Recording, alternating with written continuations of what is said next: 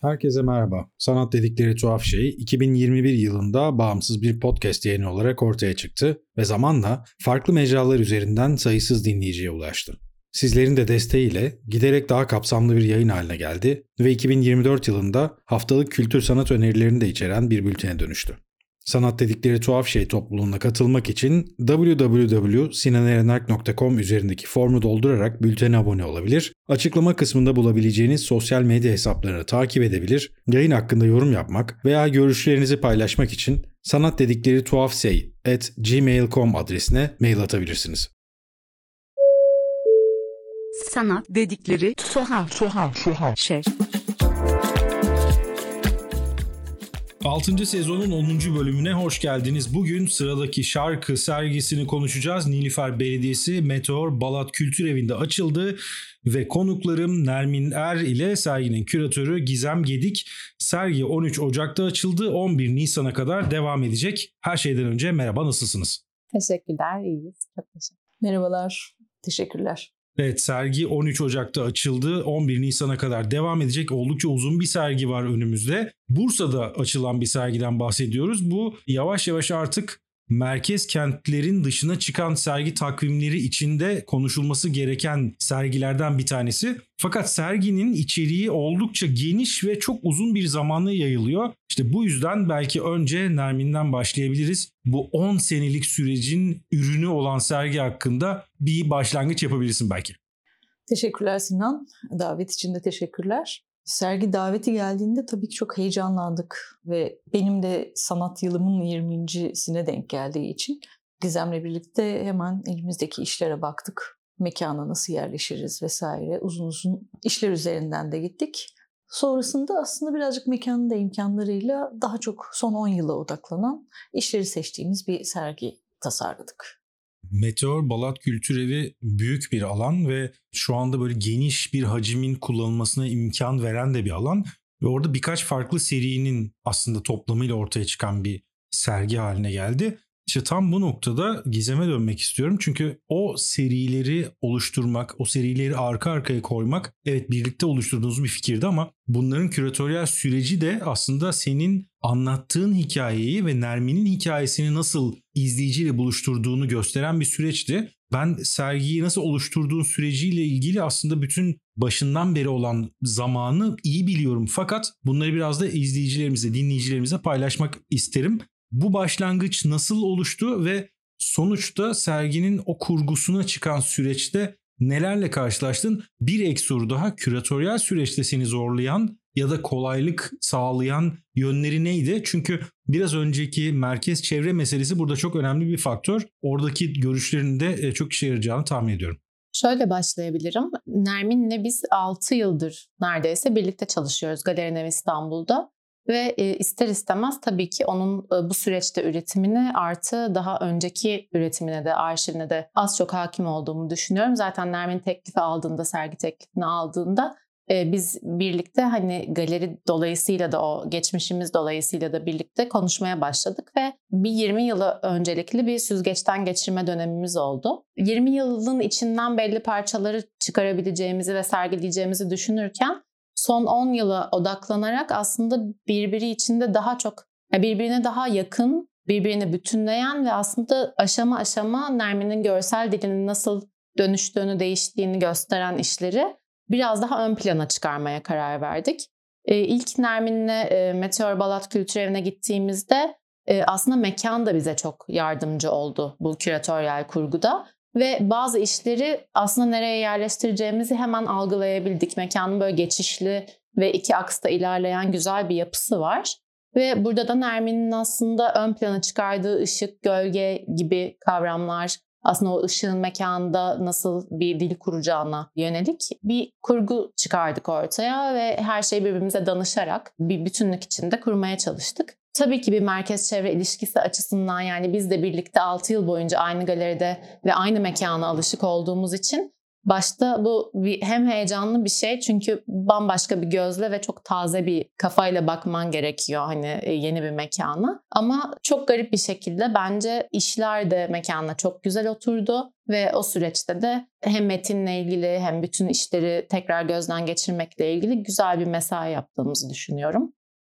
Şimdi daha öncesinde ışıklar açılınca sergisi için Nermin'le Galerinin Ev İstanbul'da bir podcast kaydetmiştik ve o kendi içinde başka bir anlatım ve başka bir e, sergi diliydi belki. Ama bugün Nermin'in belki bir tür retrospektif diyebileceğimiz tamamlanmamış tırnak içinde bir retrospektif diyebileceğimiz bir sergi kurgusuyla karşı karşıyayız. Bu ışıklar açılıncadan sonraki ilk kişisel sergi olması nedeniyle önemli. İçerik açısındansa çok başka bir şey var. Bunu Meteor Balat'taki yerleşimini kurgularken böyle bir kronoloji izlemeyi düşündün mü Nermin? Yoksa gerçekten Gizem'in biraz önce söylediğine benzer bir şey senin de kafanda var mıydı? Yani mimariyle ve sadece o tanışıklıkla mı ilerleyen bir süreçti bu?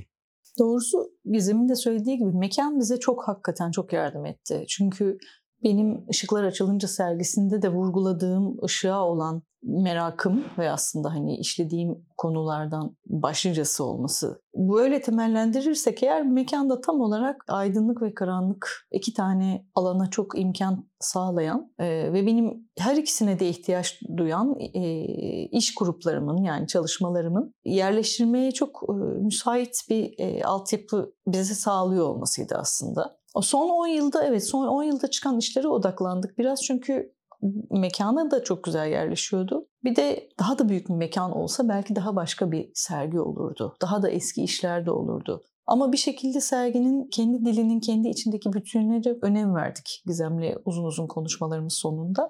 Karanlık alana ve aydınlık alana yayılırken de bu son 10 yılın kendi içinde ilişkilenebilen, bir dil tutturabilen işlerini kurguladık yan yana. Daha çok öyle ilerledi yani. Bu son 10 yıla baktığın zaman Bugün şu anda senin atölyendeyiz. Etrafımızda daha önce ürettiğin eserler var ve atölyelerde genelde şu oluyor. Yani eserler hep bir yerlerde duruyor fakat onları bir sergi kurgusunda görmek hem sanatçının kendi sürecini izlemesi hem de izleyicinin o süreci izlemesi açısından farklı bir algı yaratıyor. Bu eserleri bu şekilde daha önce kafanda bir araya getirip görebiliyor muydun yoksa sergi de senin kafanda bir şey açtı mı? Bu birinci sorum olacak. İkincisi de gerçekten o 10 yıl bir başlık kırılma mı? Yani neden özellikle 10 yılı seçtiniz onu da merak ediyorum bir taraftan. Çok güzel çünkü normalde çalışma alanlarımızda böyle bir şey imkan veren yani en azından ben bir ortamda değilim yani. O, o günlerde bir şey çalışıyorsam daha çok üzerinde çalıştığım proje masa üstünde ya da etrafında oluyor. Çalışmadığım şeyler kutuların içinde ya da rafların içinde paketli olarak bekliyor oluyorlar. Şimdi buranın güzelliği bu serginin e, sağladığı imkan bütün e, bu bir döneme ait bir çalışmaların hepsini bir arada görebilme imkanı benim için çok hakikaten inanılmaz bir şans oldu öyle diyebilirim. Bunu görebildiğim için çok mutluyum. Çünkü kendi adıma bir yol diye bakıyorum ben üretim sürecime ve işte çeşitli zamanlardan ve dönemlerden geçiyorum. Çok yaşadığım hayatla işte o sırada hissettiğim şeylerle çok paralel ilerliyor genellikle yaptığım şeyler. O süreçlerin üzerinden bir kez daha geçmiş oldum. Benim için çok güzel bir şey bu ve bunların hepsini derli toplu bir arada tabii hani Gizem'in de çok büyük katkısıyla görme şansım oldu. Ve bunun bana tabii büyük bir katkısı oldu. Bunu söyleyebilirim. Ya üretim ben daha çok seriler halinde çalışıyorum ve bu seriler genellikle çok fazla parçadan oluşuyor. O çok fazla parçaların hepsini hani işte 20. sanat yılım aslında ama o çok fazla parçanın her birini sergilemek için zaten mekan da yeterli değildi düşünecek olursak. Son 10 yıl evet benim için biraz daha gitmeye çalıştığım yolla ilgili daha fazla şey ifade ediyor. O yüzden de birazcık oraya abandık öyle diyeyim olgunlaşma demek belki çok işi romantize edecek bir şey olacak ama bir tarafta da belli bir birikimin aslında ortaya çıkması gibi bir süreç var. Belki son 10 yılda olan şey bu. Yani daha önceki üretimlerine baktığın zaman, daha önceki sürecine baktığın zaman fark burada mı senin için yoksa başka bir fark mı aslında o? Şimdi ben birazcık belki bu noktada şeyden bahsetmeliyim. Benim sanata heykel okuyarak başladım ama öncesinde uzun yıllar animasyon yaptım. Bunu birazcık söylemem gerekiyor galiba şu anda. Animasyon yaptığım yıllarda da benim daha eski işlerim, daha erken dönem işlerim, daha çok sergilediğim işler çok fazla animasyon efektli işlerdi ve o zamanki algıma da çok paraleldi bu. Fakat zaman içerisinde birazcık daha düşününce işlerim üzerinde, kendi yolumla ilgili, güncel sanatla ilgili biraz daha fazla düşününce bir değişime uğradı. Ben bunu normal karşılıyorum. Yani bence herkesin kendi içinde yürüdüğü bir yol var ve o yolun sonucunda e, geçtiği maceralar var öyle söyleyeyim.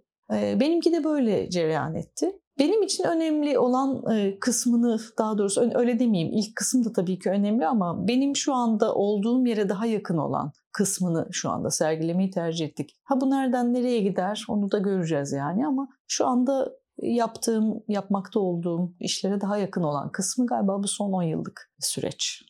Artı bir de eserleri farklı bir şekilde deneyimlemeye de izin veren bir yapı var. Burada da işte küratöryel kararlara biraz dönmek istiyorum. Gizem yine sana bunu soracağım. Şimdi özellikle hareketli görüntülerde, videolarda daha önceki sergilemelerin aksine daha büyük boyutlu sergilemeler söz konusu burada.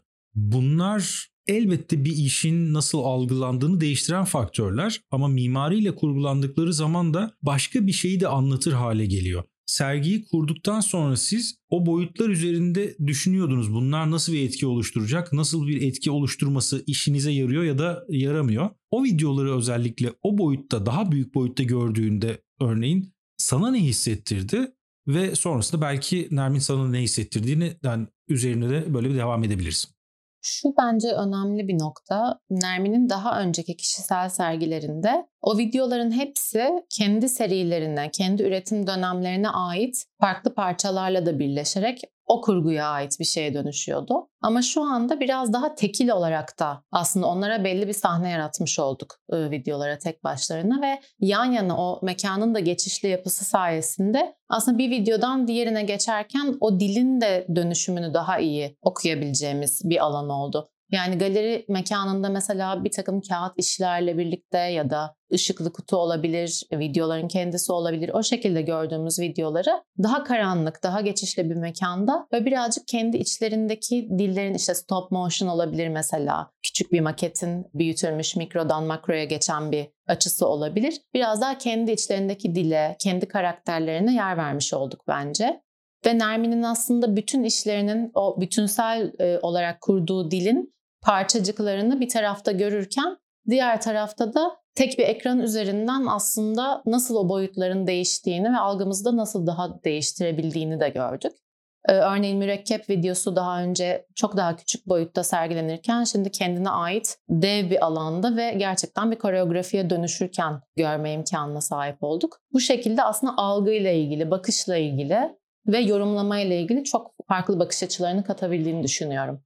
Ben de aslında Gizem'in söylediklerine çok katılıyorum. Onun dışında hani ilavelerim olabilir. O da benim aslında sergide birazcık oynadığım oyun alanım ölçek. Ölçekle çok oynuyorum. Yani işte bir tane yolda diye bir iş var.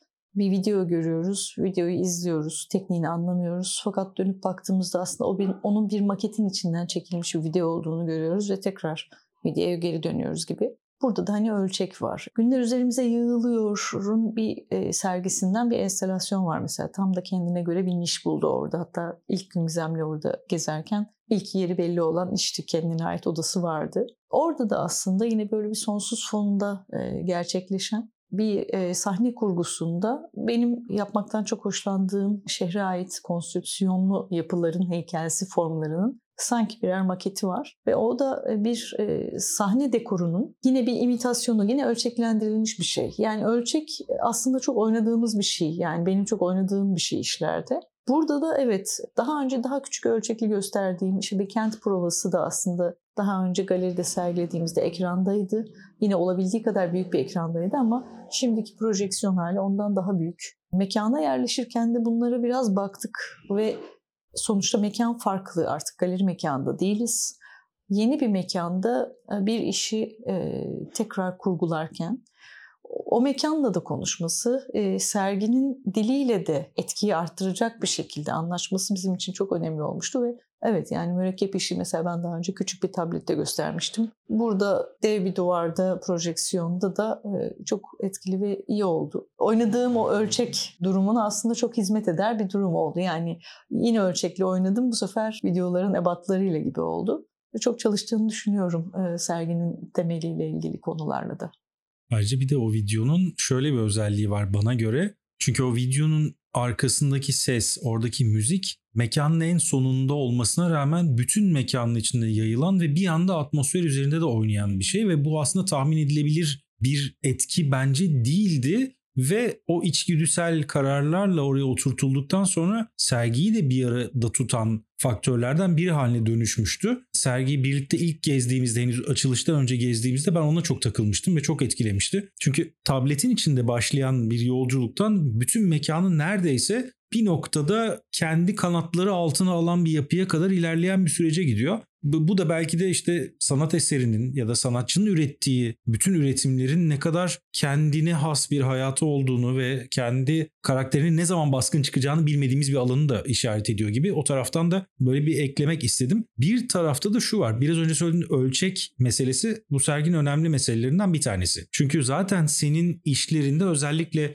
işte stop motion animasyondan ve animasyon ve heykel eğitiminden kaynaklı olan çok küçük parçalarla çalışmak, kağıtlarla çok hassas malzemelerle çalışmak işte biraz önce söylediğin o hareketli maketin videosunda da gördüğümüz ve algımızı zorlaması da zaten bu yüzden. Bu parçalarla çalışmak bir anda bizi o eserlerin içindeki çok küçük parçalara odaklanmaya ve sonrasında geri çıktığımızda da serginin büyük kurgusunu biraz daha görmeye teşvik ediyor. O yüzden böyle bir çok büyükle çok küçük arasındaki o müthiş kontrast sergiyi başka bir noktaya taşımış. Ben de senin eserlerini bu kurguda daha farklı şekilde bu alanda da aynı şekilde okuma imkanı buldum. Bu da benim için farklı bir deneyim oldu ve sanırım İstanbul'da da çok nadir alanlarda bunu yapma şansı var. Mekanının bu konuda gerçekten bir özelliği var. Buradan da şuna geleceğim aslında. En başta sormam belki gereken soruya şimdi geleceğim.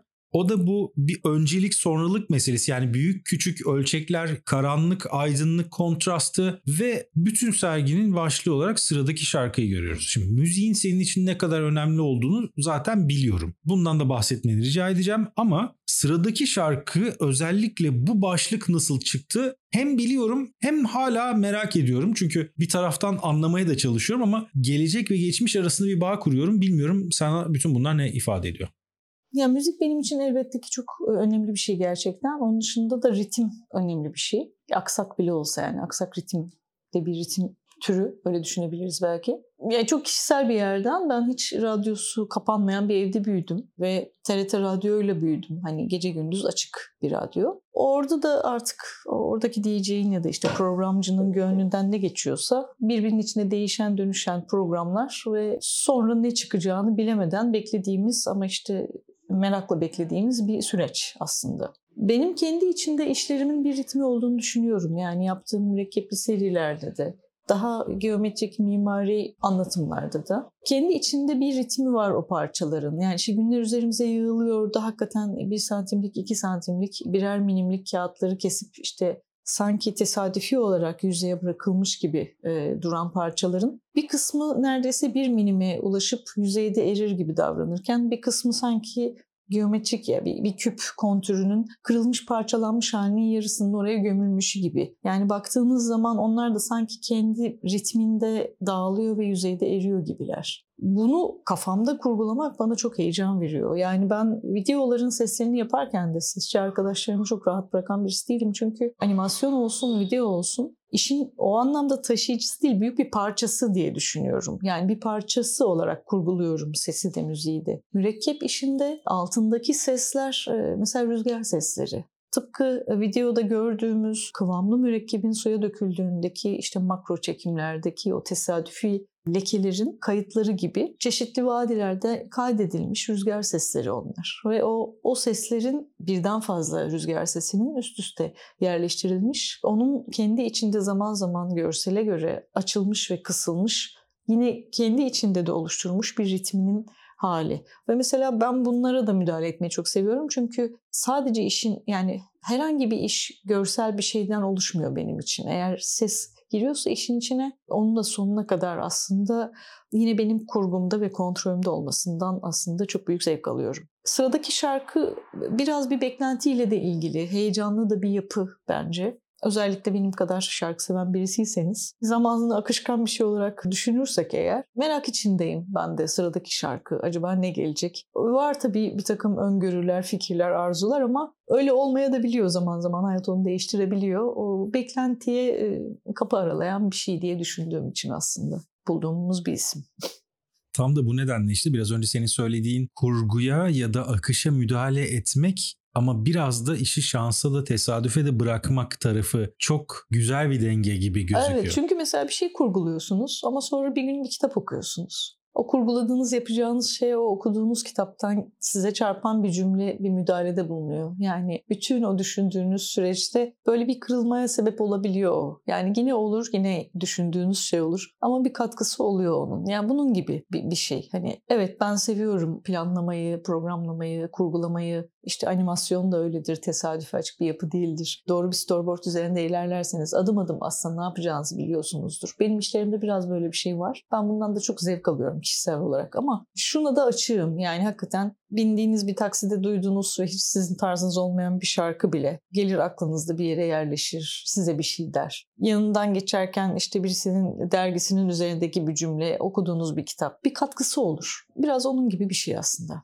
Bazen de hani o sıradaki şarkı aslında çok iyi bildiğimiz ve hafızamızda bir şeyleri tetikleyen bir şarkı olur ve bir anda onunla karşılaşırız. İşte o zaman bu defa ileriye doğru giderken bir anda geriye gitmiş gibi oluyoruz. Bu sergi de biraz onu hissettirdi bana. Sen bunu kurgularken yani metni yazarken ne düşündün Gizem? Yani bu geçmiş ve gelecek arasındaki atlamaları konuştuğumuzu hatırlıyorum ama bugün şimdi serginin açılışından sonra bugün o süreci okuduğun zaman ya da sergiyi yeniden düşündüğün zaman veya bugün yani kataloğa mesela yeniden baktığın zaman o işlerle yazıyla bir daha karşılaştığın zaman ne hissettiriyor sana? Şu önemli bir detay oldu hayatımın bu döneminde. İlk defa ben bir kişisel serginin küratörlüğünü yaptım. Çünkü grup sergilerinde bir şeyleri daha fazla bir araya getirmekle ve onların arasındaki diyaloğu çözmekle, yazmakla uğraşırken şimdi bir sanatçının, tek başına bir sanatçının zihnine girip onun üretim biçimine psikolojik olarak onun kendi e, kaynakları üzerinden onun bütün bakış açısını sindirmeye çalışarak anlayıp anlatmam gerektiği için farklı bir dönem benim için de. O esnada da aslında birazcık Nermin'in hayatına da bakma fırsatını buldum. Onun hayatta yakaladığı detaylara onun gözünden bakabilmeye çalıştım. Çünkü küratör evet kendi narratifini, hikayesini oluştururken bir yandan da o sanatçının aracısı haline dönüşüyor. Yani bir aracı olarak da onu en iyi şekilde ifade edip kendi yorumunu da biraz ona göre dengelemek gerekiyor. Dolayısıyla şu anda baktığımda şunu görebiliyorum. Gerçekten hani mekanın da bize yardımcı olmasıyla Nermin'le kurduğum kişisel diyaloglar da sayesinde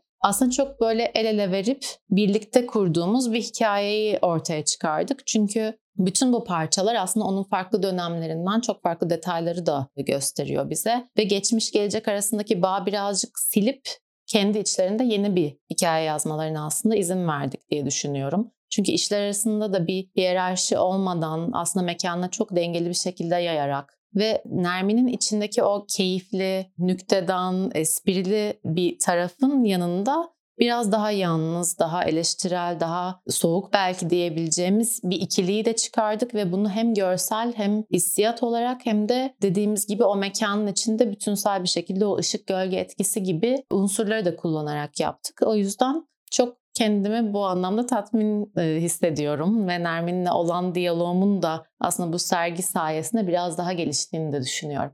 Şimdi bütün süreci okuyunca ve sıradaki şarkı başlığı altına düşünmeye başlayınca hep böyle 90'lardaki o karışık kaset doldurma işte bir ya da sonrasında CD yapma sonra MP3 albümlerine dönme falan yani hazırlanan bir takım o paketler duygu ve eser paketleri gibi bir şeye doğru geliyor ve bunlar da birer zaman kapsülü aslında. Yani biz geçmişe dönüp baktığımız zaman bunlarla yüzleşiyoruz. Bazen yeniden karşımıza çıktığı zaman yeniden yüzleşiyoruz. O yüzden bu kayıt için Nermin senden bir şey rica edeceğim. O da şu. Gelecekteki kendin bu kaydı dinlediği zaman ona söylemek istediğin bir şey var mı? Bu da senin sıradaki şarkın olsun belki. Yani insan tabii hep e, bir şeyler yaparken e, daha onu daha ileriye götürmekle ilgili hayal kuruyor. Yani kendisiyle ilgili. Ama hani ben hani şunu söyleyebilirim narizane ben bu yaptığımız sergide orada yerleştirdiğimiz işlerde hani her birini yaparken aşırı zaten zevk alıyordum ve mutluydum. Ben bunun devamını dilerim herhalde. Yani ben çalışırken çok eğleniyorum bir yandan. Hani birçok insan eminim öyledir ama o anlamda bilmiyorum belki bu işte birazcık daha işte animasyon, işte geçmişteki işte karikatür çizgi roman geçmişimden de e, kaynaklı. Hikayeler kurmak ve o kendi hikayelerin kurgusunun içinde kaybolmak ve o aslında bir macera paketi benim için ve o macera paketinin içinde hani yönetmeni, oyuncusu, işte dublörü, jönü hepsi o kurgunun içinde bir, bir şey yaşıyorum ben yaparken. Yani bunun hiç kaybolmamasını herhalde dilerim. Yani gelecekteki bana da eğlenmeye devam et ve eğlendiğin şeyleri yapmaya devam et. Öyle olursa ancak hani bunun bir devamlı olur diyebilirim herhalde ama bilmiyorum bakalım gelecekteki ben kızmaz inşallah. bölümün sonuna ufak ufak gelirken sergiyle ilgili eserlerin üzerinden yeniden geçmek değil. Çünkü biraz da izleyicilerin gidip görmesi gereken şeyler, anlatarak çok çıkamayacağımız şeyler. Ama serginin içinde benim hep dikkatimi çeken, senin de aslında içten içe hep vurguladığın şeylerden bir tanesi var. Biraz onu da belki konuşarak bitirelim. İkinizden de bunun cevabını istiyorum. Çünkü çok insani ve çok doğayla, dünya ile çok bağlantısı olan şeylerden bir tanesi. Bu da serginin içinde çok farklı yerlerde bulduğumuz o köpekler ve hep o canlıların aslında köpekler olması. Onlarla bir bağlantın var ama o bağlantı nasıl ve yavaş yavaş belki 10 senede nasıl değişti ve Gizem sen o bağı sonrasında nasıl kurdun? Çünkü orada da senin kişisel bir sürü hikayen de devreye giriyordur senin için ne ifade ediyor onu da senden sonra almak isterim.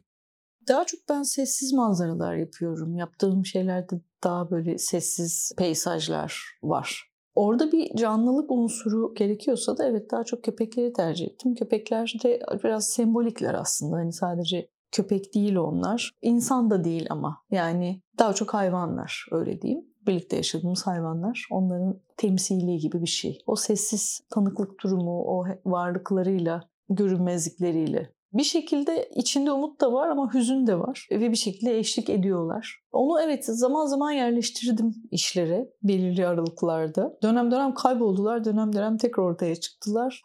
O arada yaşadığım duygu durumuyla elintili olduğunu düşünüyorum aslında ama evet hani tek başına köpek demeyelim de aslında onlar hayvanlar ama evet köpek olarak, köpek suretiyle bu sergideler. Ben şunu hatırlıyorum. Nermin'in e, animasyon geçmişini e, bildiğim için ve daha sonra figürle ilgili de çeşitli çalışmalarını bildiğim için de atölyesinde farklı hayvanlarla, figürlerle karşılaştığım için hep böyle neden köpek imgesine çok takıldığını kendi kendime onu çok tanımıyorken düşündüğümü hatırlıyorum. Ve son dönemlerde de biraz daha o kent silüetinin içine karışmış köpekler, ya da videolarda bir görünüp bir kaybolan köpekler e, her zaman tabii ki bir anlam ifade ediyordu doğayla ilgili ve kent hayatıyla ilgili. Ve bu sergide en e, çok hoşuma giden şey aslında o kurgu içinde farklı farklı seriler var, kopmalar, birleşmeler var ama o köpek imgesi sürekli bir yerlerde kendini tekrar ediyor ve küçük bir sembol, bir imza gibi de orada yaşamaya devam ediyor. Bir yandan da hem onun hareketi üzerinden kurgulanan bir dil var videolarda, stop motion'larda. Yani onun nasıl bir sembole dönüştüğünü aslında anlıyoruz. O kent kaosu içinde de anlıyoruz. Örneğin Nermin'in e, benim daha önce çok görmediğim, daha böyle hayalet köpekler diyebileceğimiz sadece aslında ışığın yansımasıyla biraz daha şeffaf tene benzer bir yapıda olan köpekleri mesela onları görmek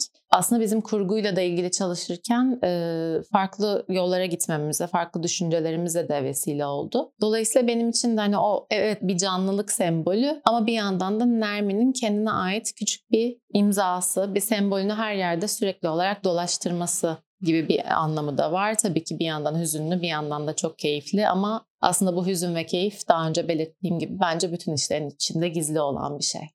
Çok teşekkürler ikinize de böyle dolu dolu anlattınız. Bir de çok katmanlı bir sergi. Uzun zamanda yayılmış bir düşünce ve eylem pratiğinin özeti niteliğinde anlatmak da çok kolay değil ama e, derli toplu her şey bence çıktı gibi ve çok etkileyen taraflarını böyle konuşabilmek, bu rahatlıkta ve bu şeffaflıkta konuşabilmek de benim için çok keyifli oldu. Umarım dinleyicilerimiz için de böyle olur. O yüzden ikinize de çok teşekkür ederim. Ben de teşekkür ederim. Bu vesileyle Gizem'e de teşekkür etmek istiyorum. Bu sergide çok anlaşıldığımı ve paylaşabildiğimi görmek benim için çok güzeldi. Teşekkür ederim sana da Sinan sağ ol. Davet ettiğin için çok teşekkür ederiz. Ben öncelikle tabii ki Nermin'e beni küratörü olarak, yol arkadaşı olarak seçtiği için çok teşekkür ediyorum ve tabii ki Nilüfer Belediyesi'ne ve bütün ekiplerine e, süreçteki destekleri için çok teşekkür ederiz. Sıradaki şarkı Nilüfer Belediyesi Meteor Balat Kültür Evi'nde 13 Ocak'ta açıldı ve 11 Nisan 2024 tarihine kadar görülebilmeye devam edecek. Gelecek hafta yeni bir programda yeniden buluşmak üzere. Herkese hoşçakalın. Tuhaf, tuhaf, tuhaf, tuhaf, tuhaf.